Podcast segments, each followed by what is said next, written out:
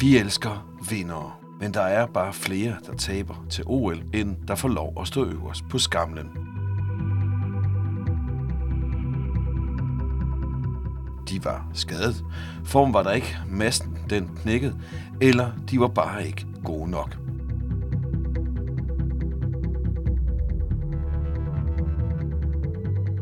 Vi hylder de tabere, der har tabt mest grundigt, der hvor det gik mest galt, dem, der lige frem blev lagt for spot og spe. De kæmpede nemlig lige så hårdt. Mange kæmpede gennem hele livet. De vandt bare ikke. For det er nederlaget, man lærer mest. Hvad har de lært om sig selv, og hvad har de lært om at angribe livet, når man mislykkes med sin drøm? Hvad har de lært af at være de største tabere?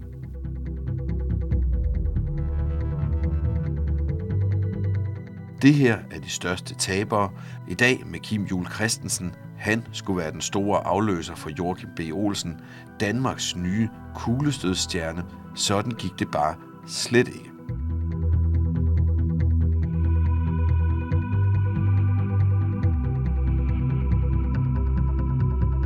Det endte bare sådan lidt trist. Det her er de største tabere med Kim Jul Christensen.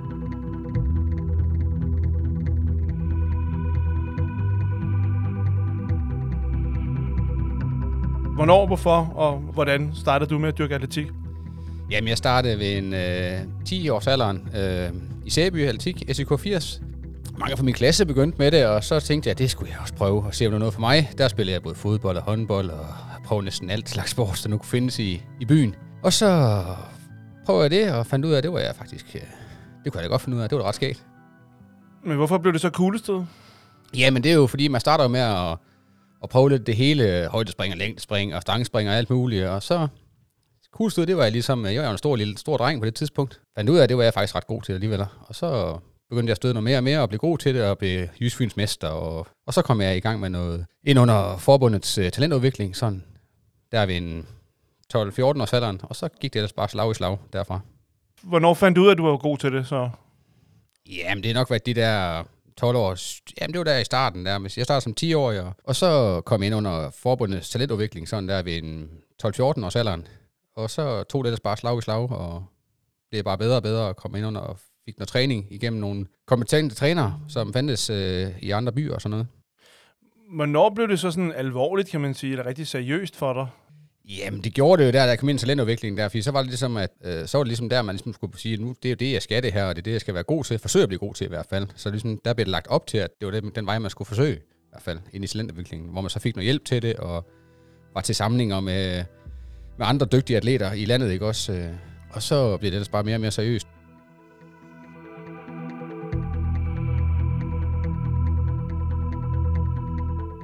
Lars Nielsen, landstræner i atletik.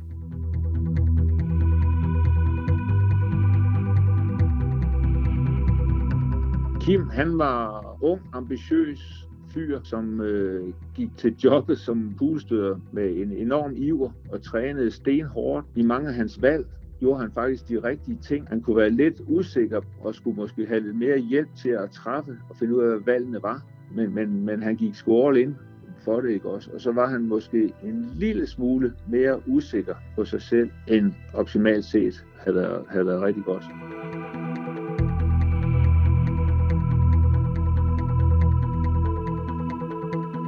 Hvornår begyndte OL ligesom at være det, der blev drømmen for dig? Jamen, OL-drømmen er jo nok altid en ting, som en lille dreng, der godt kan lide sport, øh, har siddet og kigget på, og sige, det der kunne jeg godt tænke mig at komme med til en dag. Så jeg, så jeg tror på en eller anden måde, så har det nok været ens bevidsthed, næsten lige siden man spillede fodbold eller håndbold, hvad man gjorde. Det er bare, det skal jeg bare med til det der. Men sådan en virkelig satsning, den nok startede der, hvor jeg måske har været 18-20 år, hvor jeg siger, at nu, nu, det, nu begynder det virkelig at, nu kan jeg måske lade sig gøre. Fortæl forhistorien til din OL-deltagelse i 12, for du havde jo prøvet tidligere. Kan du ikke prøve at fortælle den historie? Jamen, øh, min OL-deltagelse var jo øh, lidt speciel i det, at jeg faktisk at et år før klar OL-krav, der er et, øh, et resultatkrav, man skal klare, og det klarer jeg faktisk til et stævne, men det her stævne er så ikke godkendt til et OL-kvalifikationsstævne. Men øh, der tænker jeg, der, der er god tid, jeg skal nok øh, klare den. Og så øh, om sommeren, der, eller forsommeren op til OL, der, der, der, der stod jeg faktisk over det igen. Men det igen, så er der ikke godkendt som et, et kvalifikationsstævne. Og jeg tænker, om det, det, håber jeg lidt, det her går, og jeg skal konkurrere videre og satser på, at jeg gør det til det stævne, der er godkendt. Men øh, det ligger så sådan, at jeg står og træner, der bor jeg i Sverige på det tidspunkt, hvor jeg træner op sammen med min træner, og er professionel på det tidspunkt. Så ringer landstræneren i Altik og siger, hej Kim, og sådan og sådan og sådan. Du er desværre ikke udtaget, fordi at sådan og sådan, du ikke har klaret det til de konkurrencer, der nu var godkendt. Og jeg bliver selvfølgelig frustreret og ked af det, og sådan lidt, ah, det, det kan sgu ikke passe, og sådan noget. Det, det, det er træls det her, og sådan noget. Og vi får en snak, og ja, der var selvfølgelig ikke nok at ved det, og jeg er frustreret, og så jeg, jeg, jeg skal også lidt, og ah, hvad gør jeg nu, og hvad skal jeg? Jeg snakker med min træner, og er meget frustreret stadigvæk og irriteret. Og han siger, men det er jo bare sådan, du må bare prøve at kæmpe på det og fortsætte. Så er det sådan, jeg, jeg er gode venner med Joachim, jeg træ, Joachim Olsen, jeg har trænet sammen med ham i fem år nede i Aarhus, så jeg tænker, jeg prøver sgu lige at ringe til ham og sige, hvad fanden kan vi gøre, og kan jeg gøre noget selv, eller et eller andet.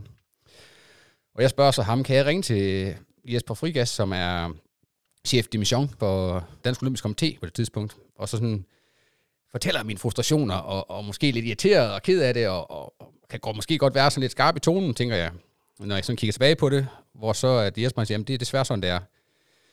Øh, min træner ringer så til mig, og der jeg snakker med ham og siger, du tager hjem, pakker en taske. Jeg har fået dig ind til Diamond League i Paris, som er dagen efter. Og det her det er måske klokken syv om aftenen. Og der var jeg faktisk på ventelisten ned til, så det var ikke engang sikkert, at jeg kom ind, men fordi der var et afbud, og han fortalte min historie, min træner til stævnearrangøren, at øh, jeg simpelthen ikke øh, kunne komme med, på grund af, at jeg ikke har krav til det rigtige stævne. Så de må også på en eller anden måde forbarme sig og sige, så skal vi sgu ham med. Han, min træner, han booker fly, og det hele fra København. Der bor jeg i Sverige, i Væksø, som ligger en tre timer fra København af. Så jeg hopper på tog der klokken ja, 4 om morgenen, det første tog, jeg kan få til Københavns Lufthavn. Øh, flyver til Paris, hvor Diamond League skal være om aftenen, og når man så lander nede i øh, Charles de Gaulle, i lufthavnen, den er ret stor, så skal jeg lige finde de folk, der skal hente mig, og de skal køre mig ind til hotellet, som ligger helt inde ved, helt midt i byen, så det tager jo i hvert fald et par timer, inden man derinde, og vi kører forbi Stade de France, der hvor stævnet skal være om aftenen, og jeg kan godt se, det tager sgu nok lige en times tid at komme retur på grund af trafik hernede. Så jeg hopper ud af bussen, ind på hotellet, tjekker ind, får lidt at spise, hopper op på værelset, får lige en skyller i bruseren, og finder lige noget mad nede i receptionen, og så med den første bus ud til stadion igen. Og jeg var så heldigvis i god tid derude, så, så møder jeg så nogle af mine, øh, mine konkurrenter, men inden for det sport, det gør, så er man jo kongolegaer, kan man sige. Altså, vi er også kammerater samtidig, fordi vi rejser jo tit til stævner, frem og tilbage sammen, og bor på hotelværelser sammen. Så man kender hinanden og sådan okay venner, når vi sidder og hygger med øl om aftenen og sådan noget. Øhm, og jeg fortæller dem så om historie der, sådan og sådan, jeg ikke, kan desværre ikke komme med, fordi det er blevet udtaget, fordi det er sådan og sådan, og de siger, ah, det er fandme noget pis, og det skal vi sgu da lige, det må vi lige så ikke klar i aften. Inden stævne skal man ind til noget call room, for de lige tjekker, om man har nummeret på rigtigt, og de tjekker lige tasker, man ikke har noget med, man ikke har mobiltelefoner med og sådan noget i altik. Og så, mens vi sidder ind under Stade de France, der, som er sådan, det er jo kæmpe store fodboldstadion, hvor man, der kan køre busser ind under, øh, så kommer der bare det største tordenskyld, hvor der bare lyner og tordner og der regner helt vildt. Og, og man kan godt forestille sig, hvis det er sådan, at man har et par glat sko på is, det er sådan, det er sådan kuglestød sko, det er sådan en glat bund der på. Og så i en ring, der er våd, så er det rimelig, det kan være ret besværligt i hvert fald. Så vi afventer lidt, de afventer lidt med at trække os ind på, tage os ind på banen, for grund af, at regnen lige skal falde til ro, og lynen skal lige lægge sig. Og der ligger bare, ja, det sejler i vand derinde. Så, nå, men der er jo ikke, vi må bare gør det så godt vi kan, og prøver at se, hvordan det går. Heldigvis så bor jeg i, vi i Norden, så jeg er vant til at støde, og har også øvet mig i at støde i regn, og har tre-fire par sko, forskellige par sko, så jeg kan bruge det. Så jeg er ikke så bekymret for det. Konkurrencen den går i gang, og jeg støder mit første stød. Der er ikke noget at tabe. Det skal så siges faktisk, at det her det er faktisk sidste dag. Dagen efter, der er der deadline for kvalifikation til OL. Dagen efter kan jeg ikke kvalificere mig mere. Jamen, jeg støder først stød, og nogle af mine husstedskammerater, som står på sidelinjen der med i konkurrencen, de kan godt se, den lander, og jeg kan også godt se, den lander omkring 20 meters stregen.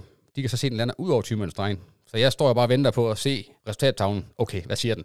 Jeg siger så 20.03, og kvalifikationskrav er 20 meter. Så kommer du med på den? Ja, det gør jeg jo sådan set. Eller det ved jeg jo så ikke på det tidspunkt. Men øh, jeg fortsætter med stævnet, og jeg giver den bare fuld gas, for jeg har ikke noget at tabe. Mit første stød pisse godt. Jeg er færdig med konkurrencen, jeg er helt op at køre over det her, og mine kammerater, de er jo også totalt op at køre. Jeg kommer ud, fortæller, ringer til min træner og siger, og han ved, han har jo set det på tv, så han er jo også rigtig meget op at køre. Hvor så jeg ringer til øh, landstræner i atletik, og jeg får en skideball på halvanden time, telefonen nok bare, at hvorfor jeg havde ringet til Jesper Frigast og svine ham til. Jamen det har jeg ikke. Jeg har bare ytret mine frustrationer og var virkelig ked af det og frustreret. Og ja, det kan godt være, det kom ud på en lidt forkert måde i forhold til ham. Men hvad fanden skal jeg gøre? Jamen, hvis det eneste mulighed jeg for at komme med til OL, det var at ringe og give ham en undskyldning. Fordi det skulle faktisk tages op på et møde for at vurdere, om jeg det var nok til at kvalificere mig, og det var ok. Så jeg må ringe til på frigast, og så sige undskyld til ham, og så forklare ham i situationen og sige sådan sådan. Han sagde selvfølgelig tillykke til mig til at starte med, at jeg havde stødt langt. Jeg vidste ikke, om jeg købte eller solgte jo. Øh, jeg håber, at undskyldning var stor nok, eller var god nok til ham. Jeg rejser, jeg tager ind på hotellet, og ja, jeg kan ikke gøre så meget mere. Jeg rejser hjem dagen efter. Da jeg sidder i tog på vej til Vægtsø, der får jeg opringning fra, for, eller fra lands, landstræneren, at øh, ja, jeg kom så med. Jeg, jeg så kvalificerer mig og kommer med.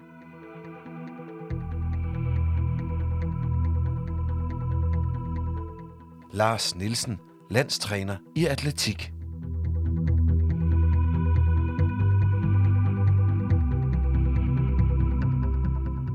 Alle de andre gange, Kim han har skulle prøve at kvalificere sig, så har det været planlagt med, du rejser den dag, så lander du der, så slapper du af på hotellet, du får noget godt at spise, sover, og så gør du sådan og sådan og sådan, og så præsterer du. I hele den fase, der når du at tænke tusind tanker hele vejen. Nu skal jeg sove, og jeg kan ikke sove, jeg kan ikke sove, jeg kan ikke sove, jeg skal spise. Hvad fanden, de har ikke det mad, jeg plejer skal have, og så videre. Ikke? Og der er tusind tanker, og når man så står derude, så har man spændt sig selv så meget op, som man egentlig begrænser sig selv. Her, der er der ikke tid til noget, som er intet er perfekt. Det er jo bare noget lort det hele, og han gør det bare, han nu er det sidste chance, ikke også, og han når slet ikke at spænde op, og han gør det bare. Han giver sig simpelthen frit løb, for det alt det der planlagte, der ligesom skal være med til at optimere det, det er gået af fløjten, og så kommer han ud, og så bum, hallo, her kommer jeg. Og så tænker folk, hvordan fanden kan det lade sig gøre?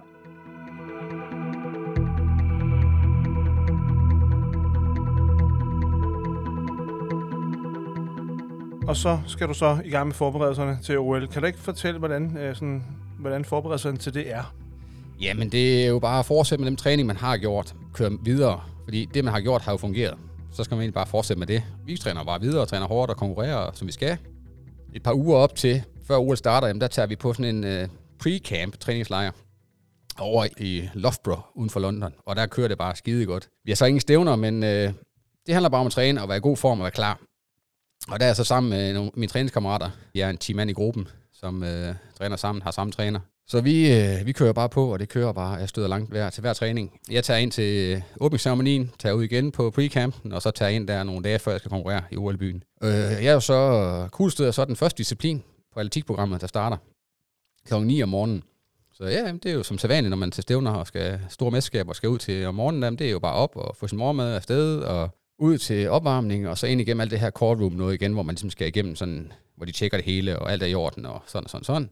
Jeg synes opvarmning, den, den, ja, den lidt en ud af kroppen følelse, jeg har. Jeg kan ikke rigtig helt sådan finde ud af mig selv, og jeg kan ikke rigtig helt, jeg føler ikke rigtig helt hjerter, og det, jeg kan ikke helt mærke det selv, men, men på en eller anden måde, så stadigvæk sådan, en, mm, sådan mærkeligt, men jeg tænker, det går, og det er okay, og det, det ser okay ud, min træner står sådan, mm, det ser okay ud, tænker jeg. Står og nikker sådan til mig. Åh, jamen, ja, vi kommer ind, og så skal vi så ud på stadion der, og jeg tænker, der er klokken 9 om morgenen, første dag på atletikprogrammet. Jamen, det kan. Når jeg har været til mesterskab førhen, så har der været sådan lidt, lidt folk på lægterne, og sådan blandet, men her sidder der altså et fuldt stadion den første dag. Og det er sådan lidt, hov, hold da op, det var alligevel vildt nok. Det er jo fordi, der mange af britterne skulle jo også kvalificere sig øh, i andre grene på det tidspunkt. Så der var god stemning, så det var fedt, og jeg ser, min mor og far sidder der, og jeg hilser på dem, vinker til dem, og så går opvarmningen i gang derinde. Og konkurrencen går i gang, og ja, yeah, jeg kan faktisk ikke rigtig huske så meget for konkurrencen, fordi at, jeg er der bare ikke, altså rent mentalt. Det er jeg slet ikke. Det går, som det går, og det kan jeg godt se på en eller anden måde, at det, mm, ja. Og min træner sidder jo bare og siger, come on, come on. Altså, han forsøger bare at opmuntre mig, fordi hvis han har sagt, det der det er noget lort, så har jeg jo fuldstændig, så skulle jeg godt stoppe der jo. Så vi kæmper bare videre, og det går jo ikke sådan, som forventet, som man gerne ville have jo, men det er der ikke nok at ved Man har de der tre forsøg, og det tager cirka 5 sekunder at støde et, et kuglestød, så det er ikke så mange minutter, man er på derinde. Så da jeg kommer ud, og så min træner siger, vi tager sådan en evaluering af det. Han siger også, du var der ikke. Jeg kunne se det fra, vi satte os i bussen om morgenen, sagde han så godt kender dig. Vi har træ, han har trænet mig i 10 år. Og når man går op af hinanden to gange om dagen i 5-6 timer, ikke også, og rejser sammen og træningslejer sammen, og ligesom er ens familie, og måske er ens erstatnings far og mor, eller hvad nu det er, ikke også, så, så kan de jo hulure det med samme på en. Så det må jeg indrømme, når jeg kommer længere og længere væk fra det, og ligesom, i starten vil jeg ikke acceptere det, men jeg kan godt se, at øh, jeg var måske en lille smule mættet, bare ved at være der altså til selve OL, fordi sådan, nu var ligesom nået et mål, og det er en af mine største mål. Så det, det, det var sgu lidt mærkeligt, faktisk.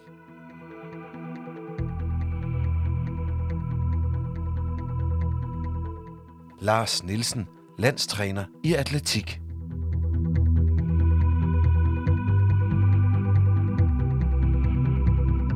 Kim, han kvalificerer sig jo reelt i aller, aller, aller sidste øjeblik. Kim havde jo ligesom den udfordring. I en længere periode, der har jagtet han kvalifikationskravet også. Så det bliver jo ligesom en forløsning. Og derfra og så til kuglestødskonkurrencen, der er der så bare så kort tid. Så hvis du skal nå ligesom at komme ned igen, og du skal nå at træne op, og du så også skal præstere, så må man bare sige, at der er der nogen, der godt kan håndtere det, men langt de fleste, de når aldrig rigtig at blive rigtig klar til det. Hvis man kvalificerer sig året inden, så har man jo hele året til at kan planlægge efter, at lige nøjagtigt der, hvor der er kvalifikation og finale, der skal min formtop være på sit højeste niveau.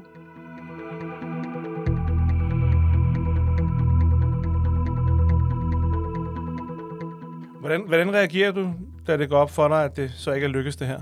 Ja, men selvfølgelig er man skuffet, og, og man er irriteret og frustreret og ked af det, ikke også?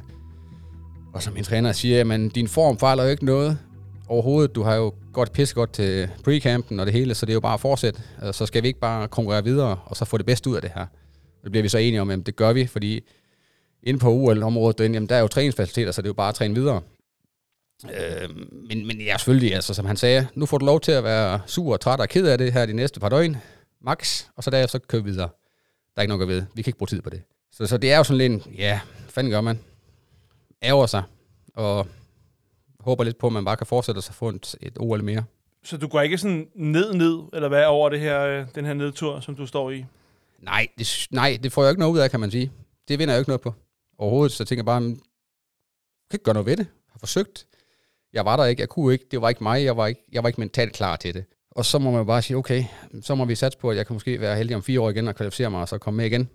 Så, så nej, det synes jeg ikke. Jeg er egentlig meget sådan positiv anlagt, så jeg tænker bare, jamen, jeg er træt af det, ked af det, lige, lige i situationen, når man kommer ud, og Kasper, ja, man har bare lyst til at grave sig lidt ned, ikke også, men det hjælper heller ikke noget, så det er bare videre, og så køre på. Så jeg er opvokset i Nordjylland, ikke også, altså, så det er bare, der er stille og roligt, og så må vi bare arbejde videre. Det, der er ikke nogen, der vinder på at, at gå ned. Selvfølgelig er man træt af det, og man er ked af det, men, men man er ikke den første, der har gjort det i verdenshistorien. Men har du en teori om, hvorfor du lige pludselig støder så meget kortere?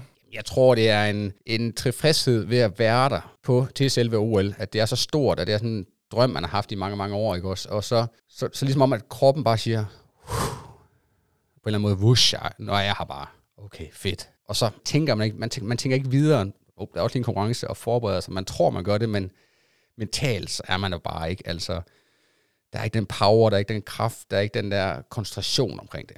Men når man så står i sådan en situation, og man alligevel har brugt så meget energi, du har været op og skændes med forbundet, du har øh, fløjet til Paris øh, i sidste øjeblik, du har måttet undskylde over for forbundet, og det ene og det andet. Øh, går der nogle tanker gennem ens hoved med, nå, og så var det så bare det? Det synes jeg ikke. Jeg havde bare sådan lidt, jeg var jo i min bedste form nogensinde. Den forsvinder jo ikke bare fordi, jeg gør det dårligt til det stævne. Lad os tage nogle stævner efter OL. Og så fortsæt, fortsæt den, og så se, om vi kan få en kæmpe personlig rekord i stedet for. Selvfølgelig er der sådan lidt en, at fordi efter OL, så er det ligesom sådan en, uh, så sker der ikke så meget lige efter OL, men, men jeg prøver bare at sige, nu kører vi bare videre og kæmper videre, og så håber på at få en pissegod sæson, afslutning på sæsonen, og ligesom bevise, at ja, det, jeg kan altså det her. Når det er et OL-år, eller årene op til et OL-år, de er meget intense, og især året op til måske allerede måske et halvt år op til, fordi det er ligesom det, der er det største, og især for atletik er det det største. Og derfor så, så ligger alt fokus på der, det er det, og din træningsplanlægning og din årsplanlægning ligger sådan, at du skal have en top til den dato. Så det er jo faktisk hele dit liv, der drejer sig om det. Eller det er din træning altid, men det er jo mere eller mindre hele din træning og liv, der koncentrerer sig om, jeg skal top til OL. Selvfølgelig lige efter, når man kommer ud, så har man bare sådan lidt her, er det det her værd? Altså gider jeg bruge så meget tid? Gider jeg bruge mit liv på det her? Altså det er jo klart, den er der jo. Det er den der. Og det er også derfor, som min træner siger, du har maks to døgn til at gå og irritere dig og over det her.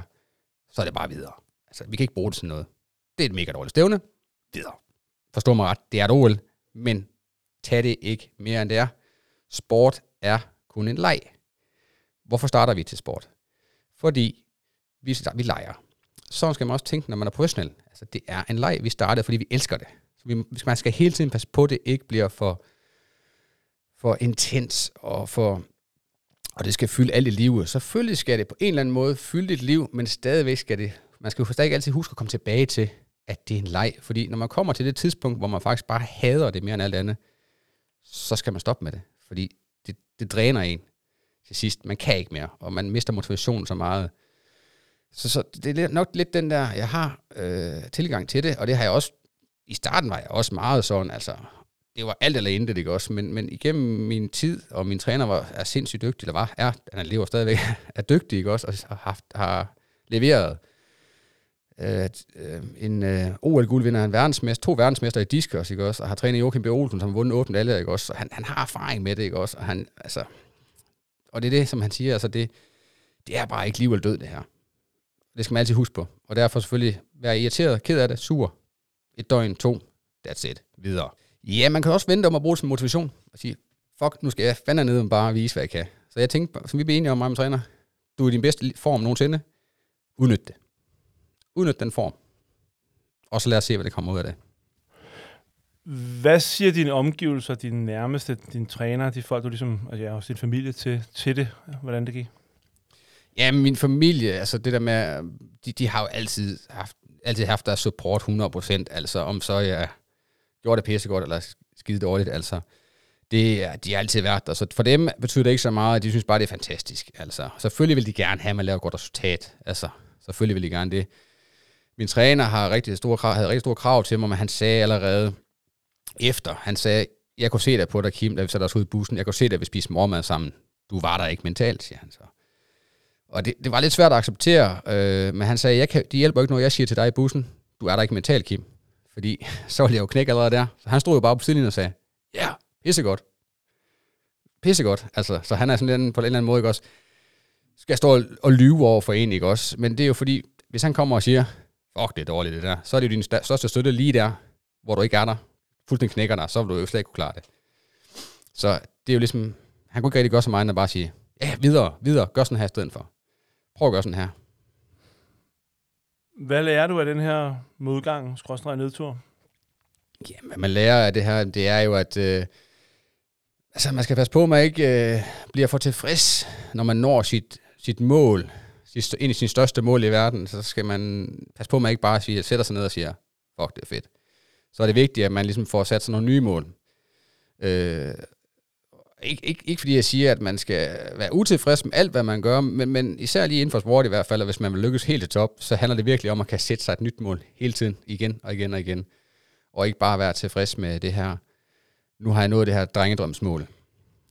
Øh, og så bare komme videre. Og så synes jeg også, en vigtig ting er bare at komme videre. Altså ikke, ikke dvæle ved, at man har, man har mislykkes. Så og igen det der, så kommer jeg tilbage til med, man må dvæle ved en to-tre dage. That's it. Videre. Det er sport, det er en leg. Vi starter, fordi vi elsker det. Vi, starter, vi dyrker sport, fordi vi elsker det. Vi skal altid huske på det, også når der var sure tider generelt med træning, eller hvad det nu var. Altid vende tilbage, hvorfor startede jeg det her? Altså sådan en som, som Zlatan Ibrahimovic, han startede jo også med fodbold, fordi han synes, det er pisse sjovt. Altså han ville jo ikke spille fodbold, hvis ikke han synes, det var sjovt. Om så han var verdens bedste, uden at vide det. Hvordan kom du så videre efter det? Hvad, hvad, hvad skete der så helt kort her til sidst? Ja, men jeg fortsatte forsøgte at fortsætte, øh, øh, hvad det hedder, stævnesæsonen, fordi jeg var i pissegod form, så det bare tænkte, bare prøve at få bedst ud af det. Og så derefter tog jeg en god pause hen over sommeren, holdt det sommerferie, og forsøgte at sætte mig nogle nye mål og komme i gang igen, øh, og sige, hvad er det næste? Jamen, vi må videre, øh, når vi starter ind, og så fik vi lagt en ny plan, og så må vi jo køre for den. Og så kørte vi videre et par år mere, og så stoppede jeg i 14, 2014. Så der kom ikke flere OL? Nej, desværre. Desværre. Det gjorde der ikke. Øh, jeg kunne mærke, at jeg var et sted i mit liv, hvor jeg, jeg kunne bare, jeg havde ikke motivation, var begyndt at forsvinde, og træningerne gik utrolig meget op og ned, og mine stævner gik utrolig meget op og ned. Og det blev mere og mere bare en sur pligt for mig, øh, og jeg faktisk næsten havde det. Øh, og derfor så sagde min træner til mig en dag, jeg vil jo ikke acceptere det. Jeg vil overhovedet ikke acceptere det. Og jeg tror, hvis du snakker med hvilken sportsmand, kvinde, der har dyrket på højt niveau, det der med at acceptere, at man faktisk er færdig. Man gider ikke mere. Man, er, man har bare brug for at stoppe, eller hvad? De vil jo aldrig nogensinde sige det, og vil altid overbevise selv om, det er jeg ikke, fordi det fylder så meget, og man vil så gerne, og man tror jo stadig selv på det. Men han kommer så til mig efter et stykke tid, hvor det har gået op og ned, virkelig op og ned. Det gik have gode dage, dårlige dage, gode dage, dårlige dage, virkelig sådan. Og stævneren gik op og ned, så han prøver, Kim, du er bare, hvor du ikke, du gider ikke mere, siger han så. Jeg synes, du stop. Og jeg synes, og, og, du skal være mega stolt af det, du har nået, siger han så. Du startede som en, ja, tog dig ind for 10 år siden som en lille kuglestøder dreng på 21 år, ikke også? Og så har vi bare arbejdet op igennem her, og vi lykkedes med de her ting. Og så satte vi os ned og snakke om det. Så det var jo mega svært at få at vide, og han sagde, gå hjem og tyk på det. Men det er min ærlige mening. Han sagde, at det er det værste, han ved, når han skal fortælle en atlet. jeg synes skal stoppe. Fordi det er jo ikke det, han vil. Men, men han er også bare nødt til at være ærlig og sige, jeg kan bare se, at du er der ikke længere. og Du er ikke, du, du, du ser det som mere en sur pligt at komme i træning, og kroppen gør mere ondt, end den egentlig skal. Det vil sige, altså man har altid, som, som professionel atlet, har man altid ondt i kroppen, hver eneste dag, man står ud af sengen. Og når man så ikke har motivation, så gør det bare dobbelt så ondt. Så, så, så det, ja, motivation og ligesom at finde ud af, at sige, men jeg skal sgu videre i livet, ikke også? Og få mig et voksenliv, ligesom alle andre, ikke også? Gå på arbejde. Ikke det der lejeliv længere, det går ikke. Selvom man gerne vil det resten af livet, ikke også?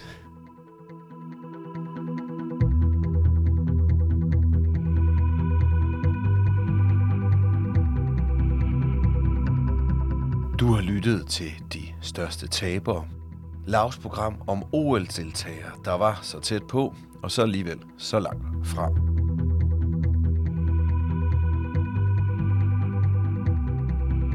Du kan høre flere udgaver af De Største Tabere der, hvor du hører din podcasts.